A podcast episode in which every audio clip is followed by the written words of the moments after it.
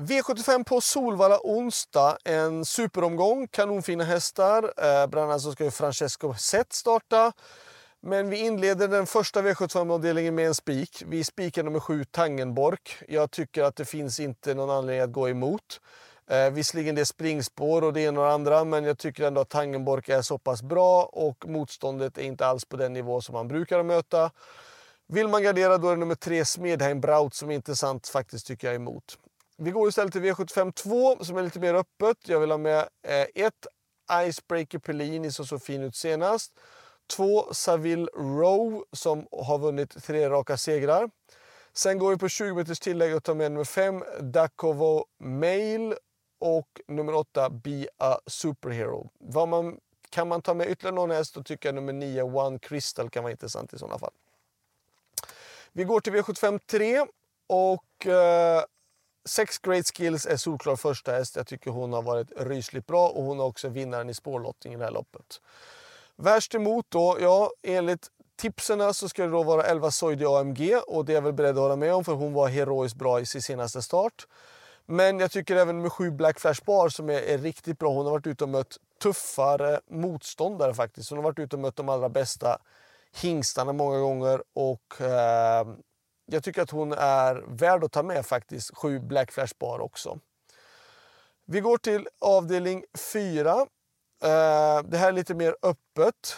Bästa eller störst chans eller mest imponerande, det tycker jag nummer 6 Cash Winner var senast. Den gjorde ett rysligt bra lopp senast, gick då utvändigt och inte så mycket att säga om det att den fick stryk den gången faktiskt.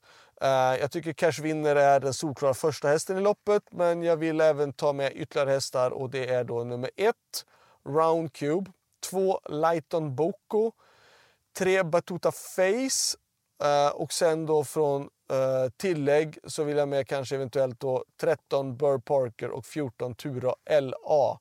Men solklar första häst nummer 6 Cash vinner i det här loppet. V75 5, det här är också ett svårt lopp.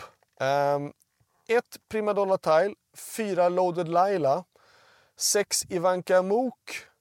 Sen vill jag med 10 Carrie Cash har sett fast senast. 11 Orlando och 12 Felicia Sett. Så ganska många hästar i den femte avdelningen. Så 1, 4, 6, 10, 11 och 12. V75 6, spik på nummer 1, Francesco Zet. Jag tycker att det finns ingen anledning att gå och försöka gardera det här loppet. Då blir det väldigt dyrt. Då ska man ta nästan alla hästarna.